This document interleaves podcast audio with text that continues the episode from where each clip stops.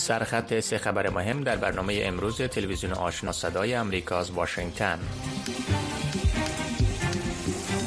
به گزارش خبرگزاری اناتولی ترکیه یک مقام عالی رتبه پاکستانی به شرط عدم افشای هویتش گفته است که پاکستان به حکومت طالبان هشدار داده که اگر دهشت افکنان دخیل در حملات فراسرحدی در پاکستان متوقف نگردد اسلام آباد علیه آنان در داخل افغانستان اقدام خواهد کرد.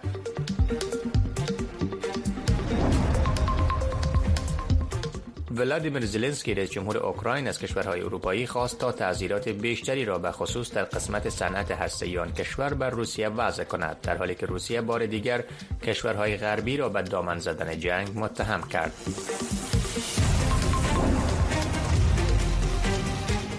و گارد ساحلی و کارگران اتفاقیه ایتالیا بیش از سی جسد را پس از در هم شکستن یک قایق چوبی مهاجران در امواج بحر در نزدیکی سواحل جنوبیان کشور پیدا کردند.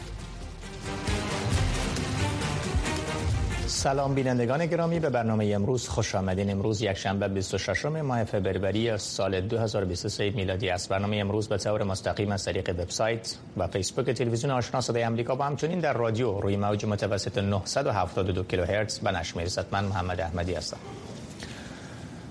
ولادیمیر زلنسکی رئیس جمهور اوکراین از کشورهای اروپایی خواست تا تعذیرات بیشتری را بر روسیه به خصوص در قسمت صنعت هسته‌ای آن کشور وضع کند. این در حالی است که روسیه بار دیگر کشورهای غربی را متهم به دامن زدن جنگ کرد و گفت که غرب قصد دارد روسیه را تجزیه کند. شرح بیشتر در این گزارش.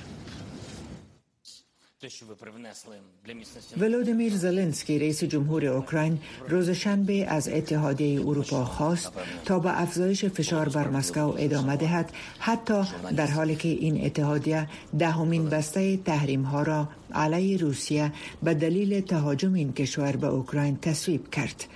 زلنسکی در سخنرانی ویدیویی شبانه خود از اتحادیه اروپا خواست علاوه بر تحریم های اخیر که بخش بانکی روسیه و دسترسی این کشور را به پرزجات الکترونیکی و مواد خاص کمیاب هدف قرار می دهد محدودیت های را بر صنعت هسته‌ای روسیه اعمال کند. دیپلمات های ما و تمام کشور تلاش می کنند تا تحریم های جهانی و بخصوص اروپا را به صنعت هسته‌ای روسیه گسترش دهند. از جمله شرکت دولتی انرژی هسته‌ای روسیه روس اتم و همه کسانی که در برنامه میزایلی و باجگیری هسته‌ای یک کشور تروریستی نقش دارند. در همین حال معترضان ضد جنگ در کانادا روز جمعه در ونکوور تجمع کردند تا ناتو را به دلیل دامن زدن به بحران اوکراین با ارسال مداوم تسلیحات محکوم کنند و در عین حال خواستار گفتگوهای صلح برای حل فصل مناقشه یک ساله شدند. معترضان ضد جنگ گفتند که ایالات متحده و سایر کشورهای غربی به درگیری بین روسیه و اوکراین دامن زدند و به ارسال سلاح برای جلوگیری از مذاکرات صلح ادامه دادند. اعضای ناتو مسئول ویرانی سوریه، عراق و بسیاری از کشورهای مختلف بوده که در 20 سال گذشته با جنگ و اشغال مواجه بودند. بنابراین ناتو بارها و بارها ثابت کرده است که نیروی جنگ و تخریب است. ایالات متحده یک نیروی عظیم در این جهان است نه نیروی صلح نیروی جنگ است. از جانب دیگر ولادیمیر پوتین رئیس جمهور روسیه اعضای ناتو را به مشارکت در درگیری اوکراین با اهدای تسلیحات و این کشور متهم کرد و گفت که غرب قصد دارد روسیه را تجزیه کند. آنان ورزش ده میلیارد دلار سلاح به اوکراین میفرستند. این در واقع مشارکت است. این بدان معناست که آنها در جنایاتی که توسط رژیم کیف انجام می شود غیر مستقیم شرکت می کنند آقای پوتین گفت که کشورهای غربی یک هدف واحد داشتند و آن تجزیه اتحاد جماهیر شوروی سابق و بخش اصلی آن فدراسیون روسیه بود. در یک گزارش دیگر انتونی بلینکن وزیر امور خارجه امریکا به کشورهای آسیای مرکزی با این امید سفر می کند که از تعامل بیشتر ایالات متحده به جمهوری های شوروی سابق که از جنگ اوکراین متزلزل شده اند اطمینان خاطر دهد با وجود که نفوذ تاریخی روسیه در آن کشورها دامنه همکاری را محدود می کند. چند روز پس از سالگرد حمله روسیه به اوکراین دیپلمات ارشد امریکایی روز سهشنبه در قزاقستان و سپس ازبکستان گفتگو خواهد کرد و به طور مشترک با وزرای خارجه هر پنج کشور آسیای مرکزی شوروی سابق در آستانه پایتخت قزاقستان دیدار خواهد کرد. دونالد لو دیپلمات ارشد ایالات متحده در آسیای جنوبی و مرکزی گفت که ایالات متحده واقع بین است که این پنج کشور بر روابط خود با روسیه یا دیگر همسایه غول پیکرشان چین که حضور خود را تقویت می کند پایان نمی دهند. اما او گفت بلینکن نشان خواهد داد که ایالات متحده یک شریک قابل اعتماد و متفاوت از مسکو و بیجینگ است. ما از نظر تعامل اقتصادی چیزی برای ارائه داریم اما همچنان از نظر ارزش ها چیزی برای ارائه داریم با این حال وزرای مالیه 20 اقتصاد بزرگ جهان یا جی 20 به دلیل اختلاف در مورد جنگ اوکراین نشست دو روزه در هند را روز شنبه بدون صدور بیانیه مشترک به پایان رساندند. هند که امسال ریاست گروه جی 20 را بر عهده دارد با نشر خلاصه نشست گفت که بدون اجماع اکثر اعضا جنگ اوکراین را به شدت محکوم کرده و تاکید کردند که این جنگ منجر به رنج گسترده انسان ها شده و شکنندگی های موجود در اقتصاد جهانی را تشدید کرده است. و چند خبر؟ جو بایدن رئیس جمهوری ایالات متحده آمریکا به برنامهش برای کاندید شدن در انتخابات ریاست جمهوری سال 2024 میلادی این کشور اشاره کرد. آقای بایدن در مصاحبه اختصاصی با شبکه خبری ABC نیوز آمریکا گفت که قبل از وارد شدن به کارزار انتخاباتی کارهای دیگر برای تمام کردن دارد اما او هنوز به صورت رسمی کاندیداتوری خود را اعلام نکرده است. این اشاره آقای بایدن به کاندید شدن پس از اشاره جیل بایدن بانوی اول ایالات متحده در مصاحبه با روز جمعه با خبرگزاری اسوسییتد پرس هست که بیان کرده بود چیز زیادی برای آغاز کار کاندیدوری کاندیداتوری نمانده اما فقط زمان و مکان آن باید اعلام شود. بایدن در ختم دور دوم ریاست جمهوریش 86 ساله خواهد بود.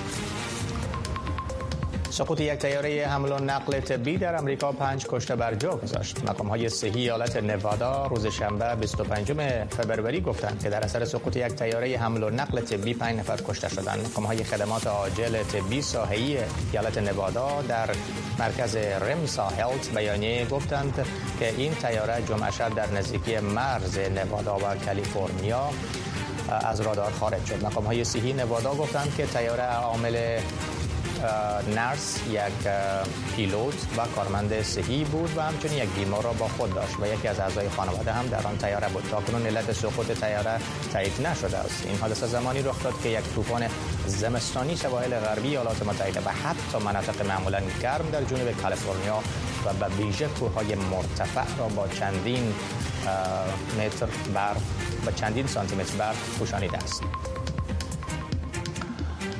مقام ها در سواحل جنوبی ایتالیا می‌گویند که یک کشتی حامل پناهجویان امروز 26 ماه فوریه در ساحل کالبریای این کشور غرق شده و در نتیجه آن 58 پناهجو که بیشترشان شهروندان افغانستان هستند جان باختند. مقام ها گفتند که این کشتی که پناهجویان از افغانستان و سایر کشورها را انتقال می‌داد چند روز پیش از ترکیه حرکت کرده بود و امروز در اثر تصادم با صخره ها در هم شکست.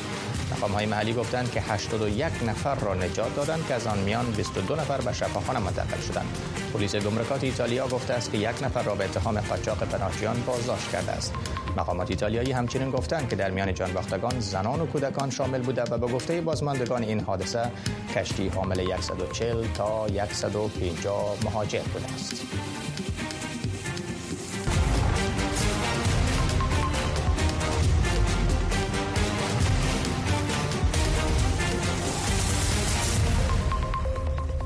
وال می‌پردازیم به موضوعاتی مربوط به افغانستان. پاکستان به حکومت طالبان هشدار داده است که اگر دهشت افغانان داخل در حملات فراسرحدی در پاکستان متوقف ساخته نشوند اسلام آباد علیه آنان در داخل افغانستان اقدام خواهد کرد. خبرگزاری اناتولی ترکیه این مطلب را از قول یک مقام عالی رتبه پاکستان به شرط عدم افشای هویتش نشر کرده است. این مقام گفته است که هیئت پاکستانی پیام صریح و واضحی را به رهبری طالبان افغانستان برای توقف هر گونه حملات بهاری تندرمان تحریک طالبان پاکستانی مستقر در افغانستان و پاکسازی آنها در خاک افغانستان ابلاغ کرد. این مقام به خبرگزاری اناتولی گفته است که اگر طالبان در انجام این تقاضا ناکامی نشان دهند و اقدامی را انجام ندهند. پاکستان هیچ گزینه‌ای به جز هدف قرار دادن پناهگاه های آنان در ساحات سرحدی دا افغانستان ندارد. برای بحث و بررسی این هشدار پاکستان و طالبان و افغانستان و طالبان افغانستان و چگونگی احتمال همکاری یا عدم همکاری طالبان افغان با پاکستان با آقای سخی بیراملی کارشناس روابط بین المللی مقیم آلمان صحبت می‌کنیم. سلام آقای بیراملی روزتان بخیر. به نظر شما چرا پاکستان ای بار پیش از هر گونه اقدام نظامی علیه پناهگاه های ادعا شده تحریک طالبان پاکستان در خاک افغانستان به رهبری طالبای افغان به نحوی هشدار میده و اتمام حجت می‌کنه دلیل این کار پاکستان فکر می‌کنن چی است؟ سلام خدمت شما سلام خدمت هم بیندایتان. همچنان ببینید پاکستان فعلا به تعبیر بسیار آمیانش خودش درگیر مسائل بسیار جدی داخلی هست و نمی‌تونه که کنترل از رو کاملا به بگیره و می‌خواد یک پیام بر اجماع داخلی خودشان داشته باشه که ببینید مشکل اصلی پاکستان در بیرون است و در همسایگی ما هست در افغانستان است و تی تی پی یا متحریک طالبان پاکستان به حمایت گروه طالبان در افغانستان داره در داخل خاک پاکستان عملیات می‌کنه. این پیامش می‌خواد بر امو قسم گفتم بر مردم پاکستان داشته باشن و جستجو می‌کنن اگر کسی قرار باشه حمله بکنه و اصطلاح عامش خبر نمیده که ما حمله می‌کنیم. پس حمله می‌کنه. اول خود خود مسئله حمله بر یک خاک یک کشور نظر به قواعد پذیرفته شده بین المللی خلاف اصول و قواعد است. و حقوق بین الملل است. پاکستان نمی‌تونه در هیچ صورتش در حداقل در حال حاضر بر افغانستان حمله بکنه. من تحلیل آقای ساجد در آژانس انادولو خواندم. امی الفاظ را که استفاده کرده گویا یک مقام پاکستانی که ما بسیار واضح بسیار روشن گفتیم بر طالبا که ما حمله می‌کنیم. این نشان از است که فقط در حد یک هشدار است و در حال حاضر به اصطلاح عامش پاکستان خودش محتاج بنان است. نمی‌تونه 200 میلیون نفوس خود به اصطلاح سیر بکنه تدارکات داشته باشه چطور می‌تونه وارد یک جنگ بسیار بر هر دو طرف خطرناک است شد آقای بیناملی چقدر احتمال وجود داره که طالبان افغان این هشدار جدی بگیرن با پاکستان همکاری بکنن یا او را رد بکنن؟ در حالی که پاکستان متهم است که حامی اصلی طالبان هست. بله ببینید در گذشته باور جمعی برمی بود که طالبان مهدگاه با منظرت پاکستان مهد خروج طالبان هستن آیا این طالبان طالب پاکستانی و افغانستانی و اینا اونا هستن فرق نداره زیاد. یک شیر در قفس بود و این هیولا و این شیر درندال آزاد شده و در هر دو طرف مرز داره فعالیت می‌کنه. پاکستان که سالهای سال ده ها حتی از, از, از, از افرادگرایی از تندروی تغذیه شد به اصطلاح از جهان باج گرفت میلیاردها دلار درآمد کرد. نمی‌تونه که یک یک حیولای را خودش ایجاد کرده حال کنترل بکنه این فرق زیاد نمی‌کنه که در کجا طرف سرحد است. در هر طرف سرحد باشه حالا یک دردسر بسیار بله. کلان در آینده بر پاکستان می‌تونه بله. باشه آقای بیرملی باز معذرت چون فرصت اگر جدی بگیرن و یا نگیرن فکر نکنم زیاد مهم باشه. مهم مسئله است که این مشکل خود خود پاکستان ایجاد کرده و حالا منتظر پیامدهایش هم باید باشه. بله چون فرصت کم است. اگر کوتاه بفرمایید با توجه به تحلیل شما اگر این کار پاکستان برای مصرف داخلی باشه چه فکر می‌کنین؟ آیا می‌تونه قانع بسازه سیاستمداران طالبان یعنی پاکستان را که بر علیه طالبا سیاست جدی تری را اتخاذ بکنن؟ فکر کنم که نه به خاطر از اینکه تی تی پی حالا دیگه پنهان نیست که در داخل افغانستان احتمالا وجود داره و روابط بسیار خوبی هم با, با, با طالبان افغانستان داره چون هر دویشان زادگاه و نمو محل افرادگرایی هست که در, در, در پاکستان بوده و تمویل شدن و یک جای بزرگ شدن. حالا ای که برای تصامیم سیاستمداران داخلی در پاکستان چه تاثیر می‌توان داشته باشه؟ من فکر می‌کنم که در کوتاه مدت زیاد تاثیرگذار نیست چون در حال حاضر پاکستان قسمی که گفتم با مشکلات زیاد بویژه مشکلات اقتصادی جدای طلبی و اکثر مسائل دیگه که در داخل پاکستان هست وجود داره مواجه هست و این می‌تونه یک یک نوعی از بحران تازه را اگر یک جنگ باشه و, و پاکستان آغاز بکنه برای پاکستان ایجاد بکنه. تشکر از شما آقای سخی بیراملی کارشناس روابط بین الملل مقیم آلمان که تحلیل و دیدگاه خود را در مورد بحث امروز بیان داشتن روزتان بخیر موفق باشین. سلامت وزارت مالیه حکومت طالبان از افزایش بی سابقه اواید صادرات زغال سنگ به پاکستان خبر داده و گفته است که در ده ماه نخست امسال 12 میلیارد و 143 میلیون افغانی درآمد گمرکی به دست آورده است که معادل 136 میلیون دلار گفته است. این وزارت ناوقت روز شنبه 25 فوریه گفته است که در این مدت 2.7 میلیون تن زغال سنگ از طریق بندر ترخم به پاکستان صادر شده است که در مقایسه با سال گذشته حدود سه برابر افزایش را نشان می‌دهد. بر اساس معلومات وزارت مالیه طالبان در سال 1400 خورشیدی 948 هزار تن زغال سنگ با پاکستان صادر شده بود که عواید آن به 1 میلیارد و 893 میلیون افغانی می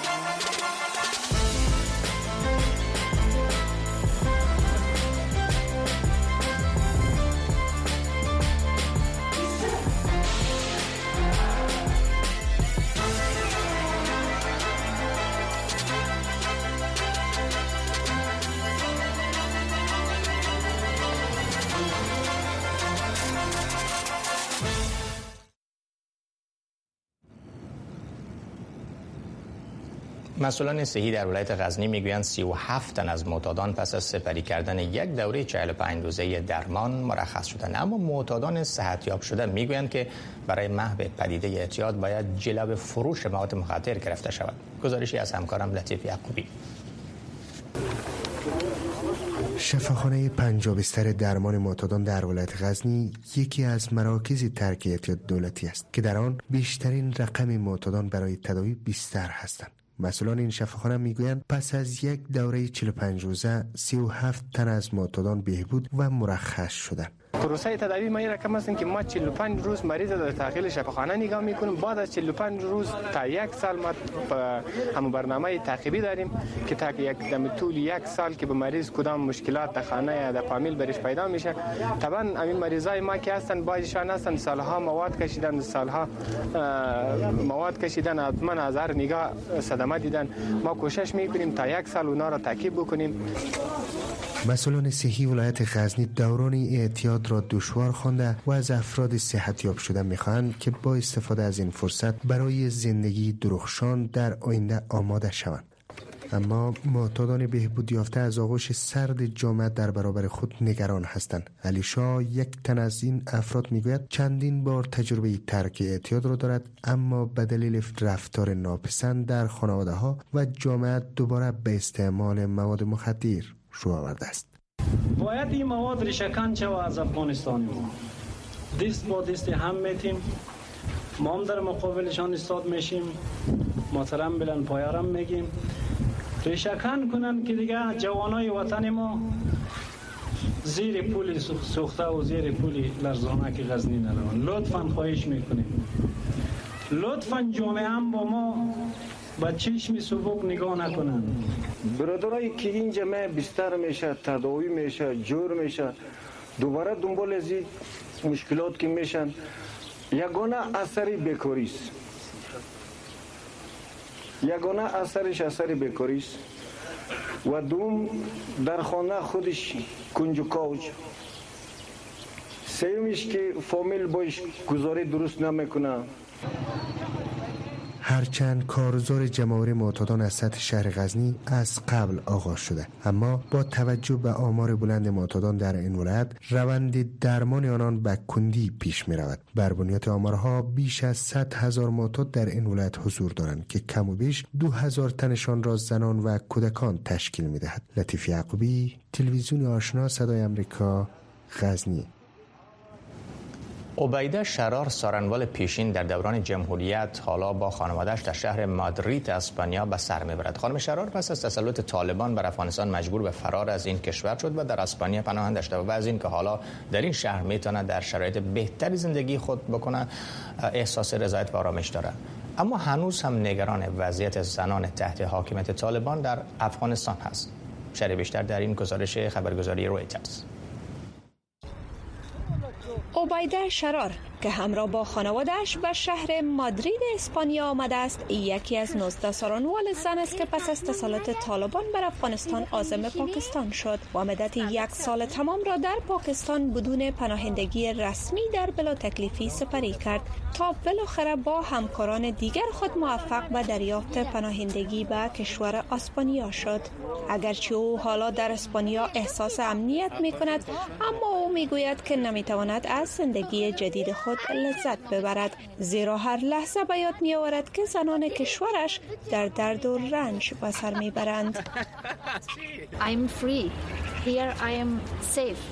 حالا اینجا همه آزادی های فردی خود را دارم امنیت دارم به هر جایی که خواسته باشم می‌توانم بروم و هر نوع پوشش را خواسته باشم می‌تونم داشته باشم هر کاری که بخواهم می‌تونم انجام دهم اما نگران زنان زیاده هستم که در افغانستان زندگی می‌کنن و محکوم به خانه نشینی در داخل چاردیوری خانه هایشان شدهاند. این در حال است که آزادی های زنان در افغانستان با روی کار آمدن طالبان بر قدرت در آگوست سال 2021 و با تفسیر سختگیرانه طالبان از شریعت اسلامی به طور کلی ناگهانی محدود ساخته شد. قضات و سرانوالان زن در این جریان تهدید شدن و هدف حملات انتقام جویانه مجرمین رها شده از زندان ها قرار گرفتند. یکی از سرانوالان که از گرفتن نامش به دلایل امنیتی با میورزد می‌گوید که من در تمام ولایت خود تنها زنی بودم که این وظیفه را به پیش می بردم من از طرف گروه طالبا و از کسی که در زندان بود زندانی بود از طرف فامیلشان من تهدید زیاد میدم از طریق تلفن از طریق خویشاوندای ما تو مستقیما در مواز نره تهدید می‌کردن. به اون خاطر شوهرم زنگ برش میمد برش تلفن می‌شد که خانم خدا نمان که در وظیفه بره در سرمالی بره. اونجا خانم نیستن زن در اونجا میره. خانمای ما همه گیره چشمشان واز شده یعنی در اونجا میره در محکمه در سرمالی میره ما رو بندی می‌کنن بر اساس گزارش ها بسیاری از زنان افغان گفتند که از سوی جامعه جهانی و سازمان های بین المللی تنها رها شدند. ایگناسیو رودریگوز وکیل اسپانیایی و رئیس سازمان غیر دولتی چهارده وکیل که مستقر در شهر بیلباو می باشد و از حقوقدانانی که تحت تعقیب قرار می گیرند دفاع می کند. جامعه بین المللی ادغام زنان در سیستم قضایی و زنان را به عنوان دستاورد خود معرفی کردند اما زمانی که طالبان دوباره قدرت را به دست گرفتند آنان را رها کردند و رفتند از سوی دیگر مونیکا فراکویک قاضی پولندی شجاعت و سخت گوشی زنان افغان را ستایش کرده می‌گوید که در این شرایط سخت که برای زنان افغان پیش آمده باید آنها را کمک و یاری کنیم این در حالی است که طالبان بارها گفتند که افغانستان خانه مشترک همه افغان ها است و از آن عده از افغان هایی که افغانستان را ترک کردند خواستند تا دوباره به کشور بازگردند. ولی محدودیت های روزافزون حکومت طالبان بر زنان باعث شده تا تعداد زیاد از افغان ها کشور را ترک کنند. فرخنده پیمانی تلویزیون آشنا صدای امریکا واشنگتن.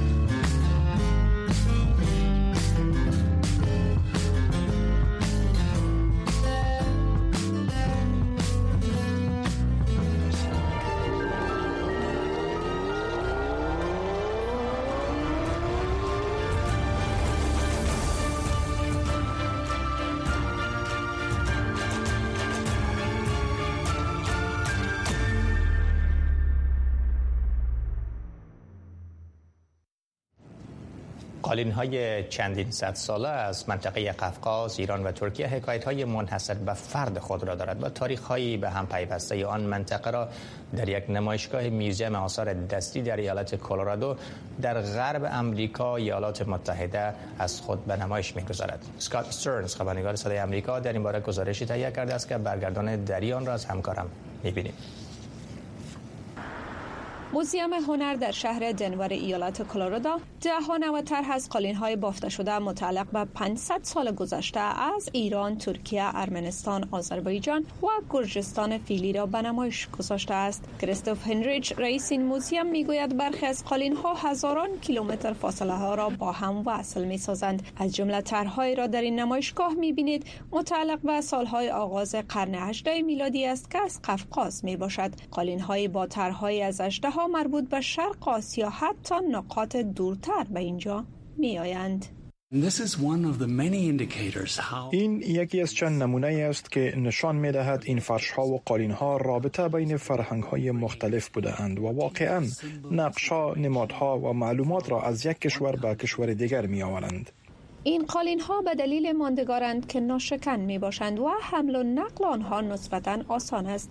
مردم از قالینچه ها معمولا برای نماز خواندن گرم نگه داشتن و خوابیدن روی آن استفاده می کردند مانند این قالینچه زخیم ترکی که به نام یا تاک یاد می شود که در گذشته ها به عنوان رخت خواب استفاده می شد دیدن اینها با شما حس تنوع کاربرد یا استفاده آنها را می دهد. امروز فرش یا قالین معمولا چیزی است که روی زمین می اندازید و کف زمین و پاهای شما را گرم نگه می دارد. اما در گذشته ها در قرن 19 هم از آن استفاده های متفاوت صورت می گرفت و من وقتی با آن نگاه می کنم فکر می کنم جای خواب بسیار راحتی بوده باشد. از دیگر قالین های ترکی در این نمایشگاه می توان به این قالین کارمان و این قالین دمشچی کلا هر دویشان متعلق به اوایل قرن 19 میلادی می باشند در حالی که بافندگان این قالین ها غالبا ناشناخته هستند هینریچ می گوید صنعتگران آن مناطق خود را با رنگ کردن رنگ های پشم و نقش های روی قالین ها متمایز می ساختند بافتن این قالین ها کار شبیه پکسل ها یا نقطه گذاری است. مانند نقاشی نیست که وقتی چیز را نقاشی می کنید و بعدا برس نقاشی را گرفته و آن را رنگامیزی کنید. بلکه همیشه نقاط کوچک در بافتن آنها به عنوان سازنده طرح و دیزاین آنها متفاوت می باشد که باید به آنها فکر کنید. در اوایل قرن هفته میلادی شهر کرمان ایران مرکز بافندگی تجارتی بود که به دلیل استفاده از های کوچک در طرحها و های مورد علاقه سلسله صفوی ها شهرت خود را داشت. همچنان روی این قالین ها حیوان یا بیت شعری که متعلق به قرن سیزدهم از شاعر ایرانی به نام سعدی شیرازی است. به نمایش گذاشته شده است. این شیر که مورد علاقه بازدید کنندگان نمایشگاه قرار گرفته مربوط به جنوب غربی ایران می باشد. هنریچ می گوید این رنگ ها نقش ها و سمبل هایی که روی این قالین ها وجود دارد نشان دهنده تاریخ عمیق تجارت و دیپلماسی در سراسر کشورهای منطقه است. فرهانی تلویزیون آشنا صدای امریکا واشنگتن.